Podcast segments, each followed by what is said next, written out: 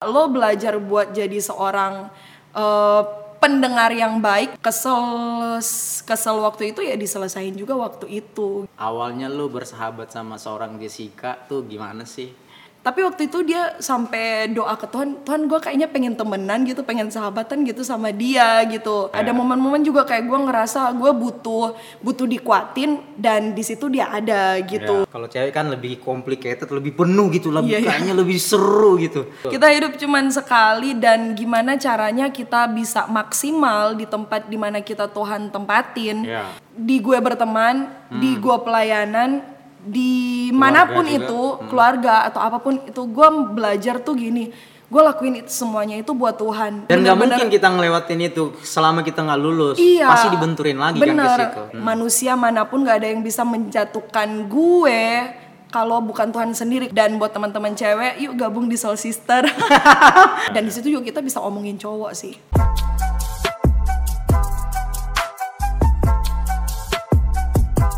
Oke, teman-teman, sahabat-sahabat Next Gen, uh, di part terakhir ini kami pengen ngingetin juga buat teman-teman jangan lupa di like dan di share, juga di subscribe supaya kami lebih semangat lagi membuat atau menghadirkan narasumber berikutnya. Oke, jangan lupa tinggalkan sesuatu di, kom di kolom komentar.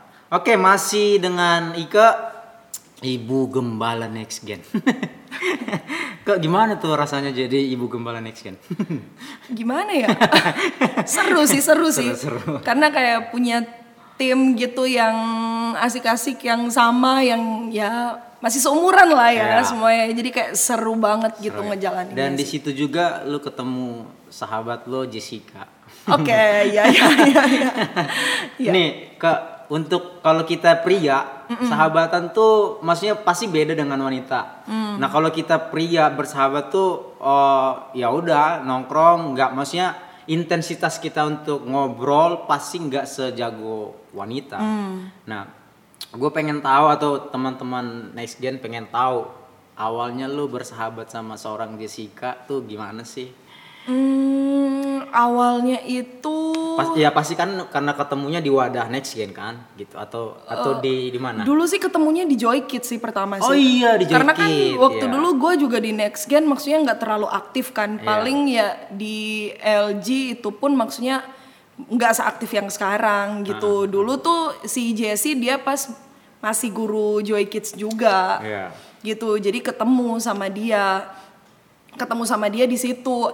Nah, uh, awalnya itu kayak bisa sahabatan. Dia dia cerita sih. Jadi hmm. dulu kan gue waktu PPL di sini tahun 2000 13, 13 ya. Iya. Tahun 2013. Jadi kalau kita cerita-cerita gitu terus dia bilang, "Gue sebenarnya tuh udah lihat-lihat lu itu dari tahun 2013 itu pas PPL tuh." Hmm. Tapi katanya gini, dia dia bilang gini, "Gue sebenarnya mau temenan sama lu, tapi tuh lu kayaknya sombong gitu." Enggak. tapi dulu sih emang gue kayak kalau dibilang orangnya pendiam-pendiam banget. Hmm yang ngarang-ngarang ke insecure yeah. uh, maksudnya kayak jadi orang yang kayak introvert bukan? Ya introvert. Ya ya introvert bukan insecure. Oke okay, jadi jadi tuh kayak ya uh, lingkungan gue ya itu itu aja gitu. Nah waktu itu kan waktu PPL ya paling gue tahu atau kenalnya itu orang yang di full time part time aja kan. Yeah. selain itu paling kalau di gereja ya gue kayaknya jarang atau nggak pernah gitu ngelihat si Jesse ini gitu hmm. maksudnya sama yang lain gitu iya. kan yeah. nah gue ya udah temenan sama orang full time part time dan dia bilang di situ gue tuh kayaknya ngelihat lu itu apa ya ya karena mungkin gue praktek di sini terus kayaknya gue pengen gitu temenan sama lu dia hmm. bilang gitu waktu hmm. itu tapi waktu itu dia sampai doa ke Tuhan Tuhan gue kayaknya pengen temenan gitu pengen sahabatan gitu sama dia gitu Jess. Siap, Jessica yang iya. Yang, oh. uh, tapi katanya iya tapi lu sih waktu itu kayaknya sombong jutek gitu, gitu jutek. Iya orang-orang kayaknya waktu kayak ngelihat gue pertama gitu atau apa gitu kesan kayak pertama kesan pertama. Uh, uh, kayak ngelihat gue itu kayak jutek atau nggak mudah bergaul atau gimana hmm. gitu ya. Nah jadi dia bilang gitu. Cuman ya pas gue balik lagi di tahun 2000 18, 18. 2018 itu baru uh, eh 2017 ya. Pokoknya iya, sekitar tahun itulah. Seingat gua sih 2018 2016 17 karena 17, waktu itu 17 ya. karena pada waktu itu kan gua kan ada di luar. Oh 2017 berarti. Iya. Nah jadi eh, di situ pun gue baru pertama-pertama kali di sini belum paling ketemunya deketnya itu pas udah mulai di Joy Kids ketemu kita pelayanan bareng terus kayak kita apa waktu itu eh, camp Joy Kids apa sih namanya retret retret ya. Joy Kids Yang terus kayak Di sini ya, di ngobrol-ngobrol puncak di puncak sini ya, bukan? iya iya iya Ah, Iya. gue nggak tahu lah itu pokoknya Kayaknya di situ, kayaknya di situ. Iya, jadi kayak awalnya itu kayak ketemu, nanya-nanya, maksudnya ngomongin soal pelayanan, ngomongin soal ini, dan ternyata kita cocok. Hmm, klop, maksudnya, klop, ya. iya kayak ngobrol sama dia tuh enak, Iya. gitu kan. Terus eh banyak lah gue bisa berbagi soal kehidupan, ya soal masalah apa kerohanian gitu Hmm. kan. Maksudnya gue kayak banyak lah gitu share sama dia. Nah, share-share gitu kayak kita ketemunya ngopi bareng walaupun dia ngopi dan gue coklat. Karena gue nggak suka kopi. Iya. Jadi ya udah ketemu bareng gitu, suka cerita ya lama-lama kayak jadi makin makin deket karena saling banyak cerita sih gitu. Luar biasa. Nah, uh, uh, iya kalau an- bedanya pria dan wanita itu da- soal bersahabat memang kalau gue lihat kebanyakan wanita kalau mereka klop tuh memang hubungannya tuh lebih kayaknya lebih seru kalau kalau cowok kan ya lebih banyak cueknya aja ya Hmm. Ya, biasa kalau iya. ketemu di tengah jalan ya udah Iya. gitu sahabatan Iya. tapi kalau kalau cewek kan lebih complicated lebih penuh gitu lebih Iya, iya. kayaknya lebih seru gitu. Nah gue mau tahu se eh, lu udah bersahabat udah berapa lama nih? Udah jalan? Tiga tahun tiga ya berarti tahunan ya. nah pasti ada uh, momen-momen lu sama dia selek apa oh, selek gitu atau atau ada gue nggak suka nih atau apa gimana secara persahabatan? Kalau kalau yang apa ya, gue itu tipe orang yang nggak mau kalau marahan itu lama-lama. Mm-mm. Jadi kalau ada sesuatu yang kayak gue nggak suka gitu atau apa gitu, gue pasti langsung konfirmasi ke dia. Nah kalau kayak dia lagi kesel juga sama gue, gue pasti nanya lo kenapa kesel gitu. Jadi nggak pernah sampai yang kayak marah-marahan yang gimana banget iya, gitu. Jadi kayak ya udah kesel kesel waktu itu ya diselesain juga waktu itu gitu. Gitu sih. Oke, mungkin itulah yang membuat seorang Ika akhirnya eh, betah untuk merantau. Oke. Nggak ada hubungannya. Eh, Kapan terakhir pulang? terakhir pulang tahun lalu kan? Tahun lalu? Pas, Iya. eh, 2000, 2020? Iya waktu banjir itu. 2020. Tahun lalu gue pulang. Pas bukan. awal. Iya tahun lalu gue pulang. Yang mbak, yang si Juan nganter itu apa Ju? Yang iya bener. Oh, iya 2020 bener. itu. 2020 ya? Oh, Uh-uh. 2020. Iya. Lu tuh tipe, tipe orang yang homesick atau ya udah cuek aja gitu atau gimana sih? eh karena udah terbiasa merantau ya. Oh, jadi nggak terlalu Ya paling kalau gue homesick itu ya itu kayak lu bilang tadi Jack. Kadang kalau udah ngerantau gitu. jadi paling kalau ke sana gitu kayak dua minggu ya udah Oh. gitu. Kalau gua tipe orang tuh yang betah banget di rumah. Jadi kalau adik gua ada nih, saksinya kalau gue pulang itu tuh nggak pernah keluar ke mana-mana. Oke, jadi cuma di rumah terus, aja ya. Di rumah. Pokoknya gua yang gue liatin mak gua, adik-adik gua. Oke. Jadi kalau adik gue yang satunya itu dia merantau, dia pulang ke kampung itu tuh malah keliaran Hmm. apa ke mana-mana. Kalau gue tipenya tuh kalau pulang kampung ya udah di rumah terus. Bisa seharian benar-benar di rumah. Nah, lu bu- bukan tipe seperti itu. Hmm, iya, gue sukanya keluar sih. Oh, keluar ya. Cuman kalau emang udah pulang ya udah sih karena emang keluar pun tapi itu bareng keluarga gue, maksudnya nggak nggak keluar ke mana-mana yang bareng teman-teman atau jadi gue lebih emang spending time itu sama keluarga gue khusus gitu Iya, kan iya. karena pulang juga ya itu tiga tahun sekali terus bentar doang gitu kan ya itu sih. Oke, pasti eh, balik lagi ke persahabatan lo. Pasti kan ada value-value tertentu tertentu yang membuat lo pada akhirnya ngomongin apa pun sama Jessica istilahnya nyambung gitu. Nah, eh, kalau boleh bukan kalau boleh, maksudnya kalau boleh tips-tips lah ya dibilangnya tips untuk kita menyamakan sudut pandang kita terhadap orang yang baru atau istilahnya kita mau masukin ke circle kita tuh ada tips nggak dari seorang Ika? Eh tips itu sebenarnya kalau gue bilang sih kayak kita itu kalau sahabatan terutama kayak cewek-cewek kali ya Iya. kayak cocok-cocokan gitu. Jadi kalau sekali lu ketemu sama orang yang kayak klop sama lu itu ya udah bakal klop gitu sama dia. Maksudnya lu bakal bener-bener sahabatan sama dia yang segala sesuatunya lu ceritain sama dia berbagi sama dia.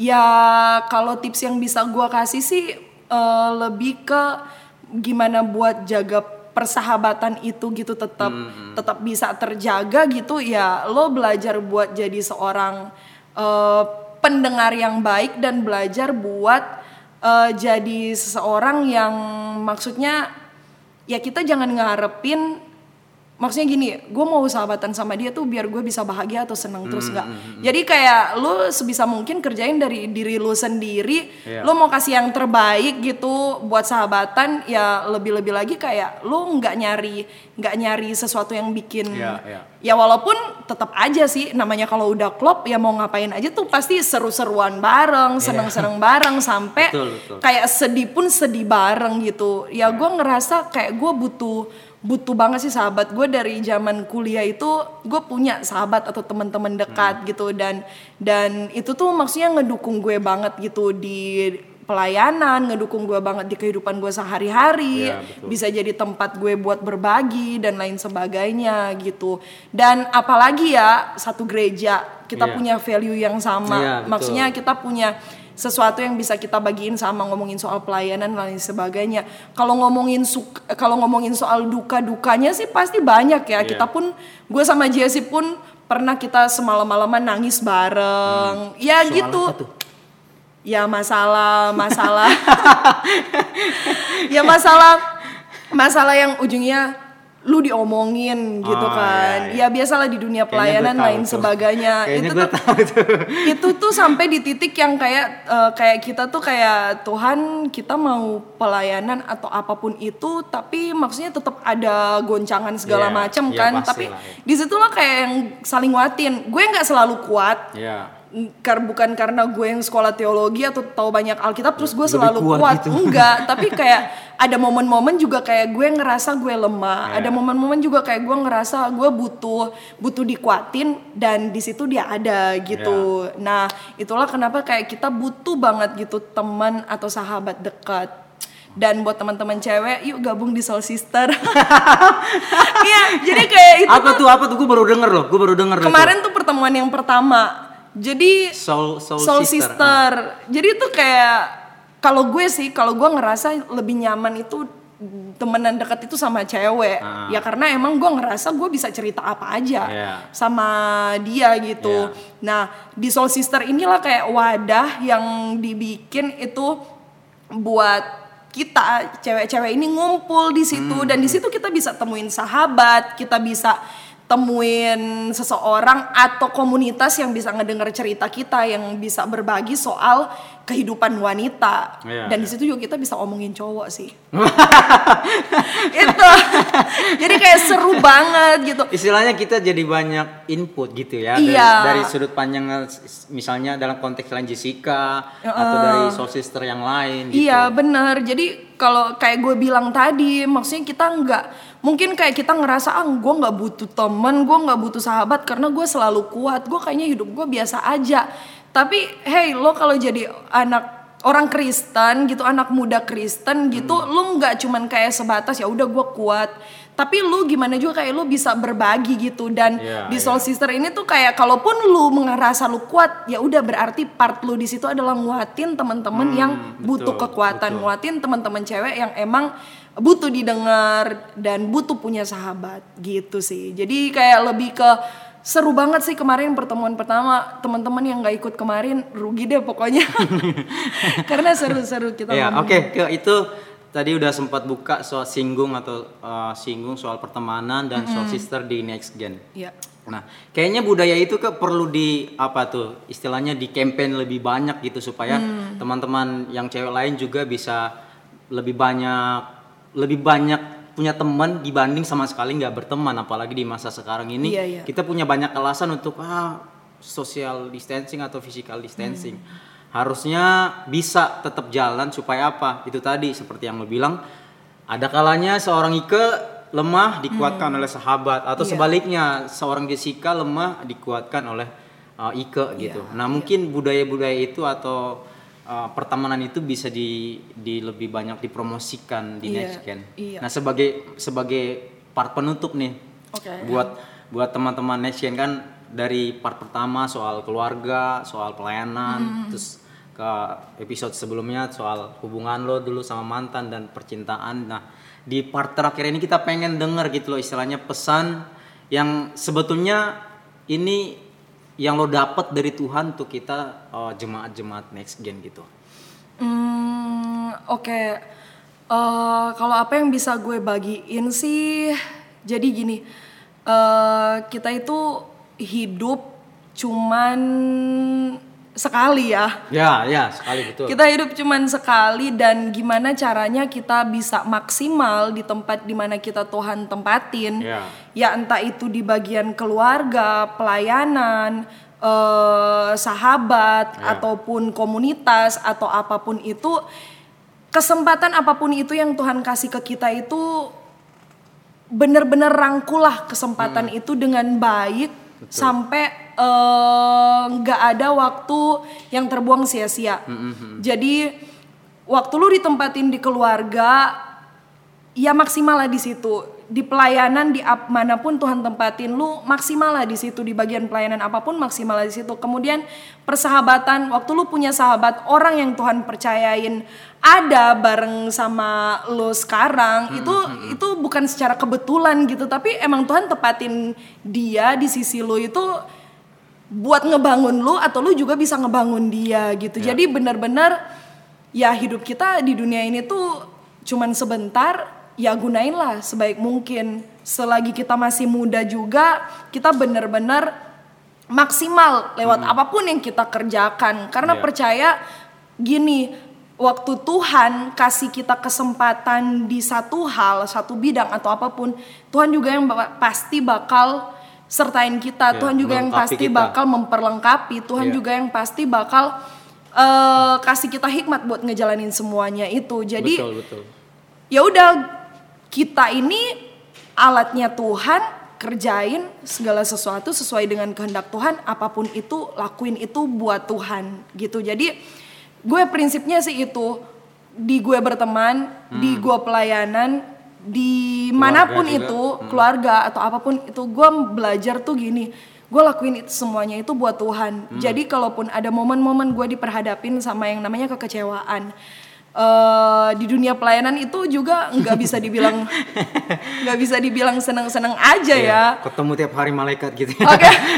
Nggak ada gitu ya. maksudnya bukan nggak ada ya. Kalau nggak ada malaikat polis dong. Jadi kayak eh apa ya ya kalau dibilang kita bakal diperhadapin dengan yang namanya kekecewaan itu tuh pasti mungkin ada ada Pasti, saatnya pasti, gitu Iya, pasti. bahkan mungkin semakin kita mau coba lari dari kekecewaan itu semakin akan Tuhan perhadapin kita sama hal itu Betul, di mana betul. Tuhan mau ngajarin kita ya lo nggak bisa naik level kalau lo nggak bisa lewatin level Betul. yang ini Di ujian itu di situ mulu nggak iya lulus lulus. kalau nggak kalau kita masih tetap diperhadapin sama itu misalnya kekecewaan yang itu tapi eh, kita minta Tuhan tolong dong laluin ini tapi tetap di situ itu berarti kita belum lulus Iya. dan kita harus dan nggak mungkin kita ngelewatin itu selama kita nggak lulus. Iya. Pasti dibenturin lagi kan Bener. ke situ. Kita harus hadapin itu. Jadi di mana pun gue Tuhan eh, Tuhan tempatin gue tuh prinsip gue adalah gue mau kerjain segala sesuatunya untuk Tuhan. Sehingga nggak ada yang bakal bisa ngejatuhin gue. Hmm. manusia mana pun nggak ada yang bisa menjatuhkan gue kalau bukan Tuhan sendiri. Karena apa? Gue lakuin segala sesuatunya itu buat Tuhan. Jadi kalaupun Yes. misalnya manusia mau ngejatuhin gue mau ngecewain gue dengan apa pun itu kalau dibilang ngaruh ya mungkin gue ada nangis nangisnya tapi gue kayak ya udah gue lakuin buat Tuhan Amin. dan gue percaya kalau apa yang gue lakuin buat Tuhan Tuhan pasti bakal kasih gue kekuatan dan gue pasti bakal bisa ngelewatin itu bareng Tuhan itulah yang bikin gue kuat sampai sekarang dan itu juga yang mau gue sampein tuh buat teman-teman buat teman-teman next rumah, gen iya. atau teman-teman siapa pun yang Iya. eh, saat ini ngedenger Menyaksikan. ini gitu jadi anak muda Kristen itu eh, dibilang mudah, nggak mudah, tapi ya di sinilah kita Tuhan tempatin itu buat benar-benar ngelakuin apa yang namanya firman Tuhan, benar-benar jadi seseorang yang bisa melakukan kehendak Tuhan dan bisa menjalankan apa yang Tuhan mau di kehidupan kita lewat apa pun itu Amin. dari berbagai bidang apa pun itu jangan dikotak-kotakin jangan lo bilang kayak kayak kemarin itu kan ngomongin soal bedanya sekolah teologi sama sekolah Sekuler gitu. iya sebenarnya nggak ada bedanya ada gitu bedanya. di mana pun Tuhan tepatin lo itu pasti Tuhan mau lo maksimal di situ dan pasti di situ juga lo punya sesuatu value yang bisa lo bagiin buat orang lain dan lo bisa pelajarin dan bisa juga nguatin kehidupan lo sendiri gitu. Jadi yuk semangat gitu ya. Semangat buat melayani Tuhan semangat buat ngejalanin hidup apalagi di masa-masa kayak gini intinya semangat aja lakuin segala sesuatu itu buat Tuhan gitu. Oke. Oke teman-teman itu kesimpulan dari seorang Ike di mana pun Tuhan menempatkan kita berikan yang terbaik dan lakukan itu seperti untuk Tuhan. Karena di mana pun kita berada masalah tetap ada tetapi seperti apa yang Ike bilang tadi bahwa eh, selama Tuhan bersama kita pasti kemenangan ada di pihak kita. Oke eh, teman-teman terima kasih sudah menyaksikan uh, suara next gen dan kita ketemu lagi di episode-episode selanjutnya dan jangan lupa untuk di like, share dan juga di subscribe karena itu akan sangat menentukan siapa suara siapa yang harus kita dengar selanjutnya. Bye bye. Tuhan Yesus memberkati.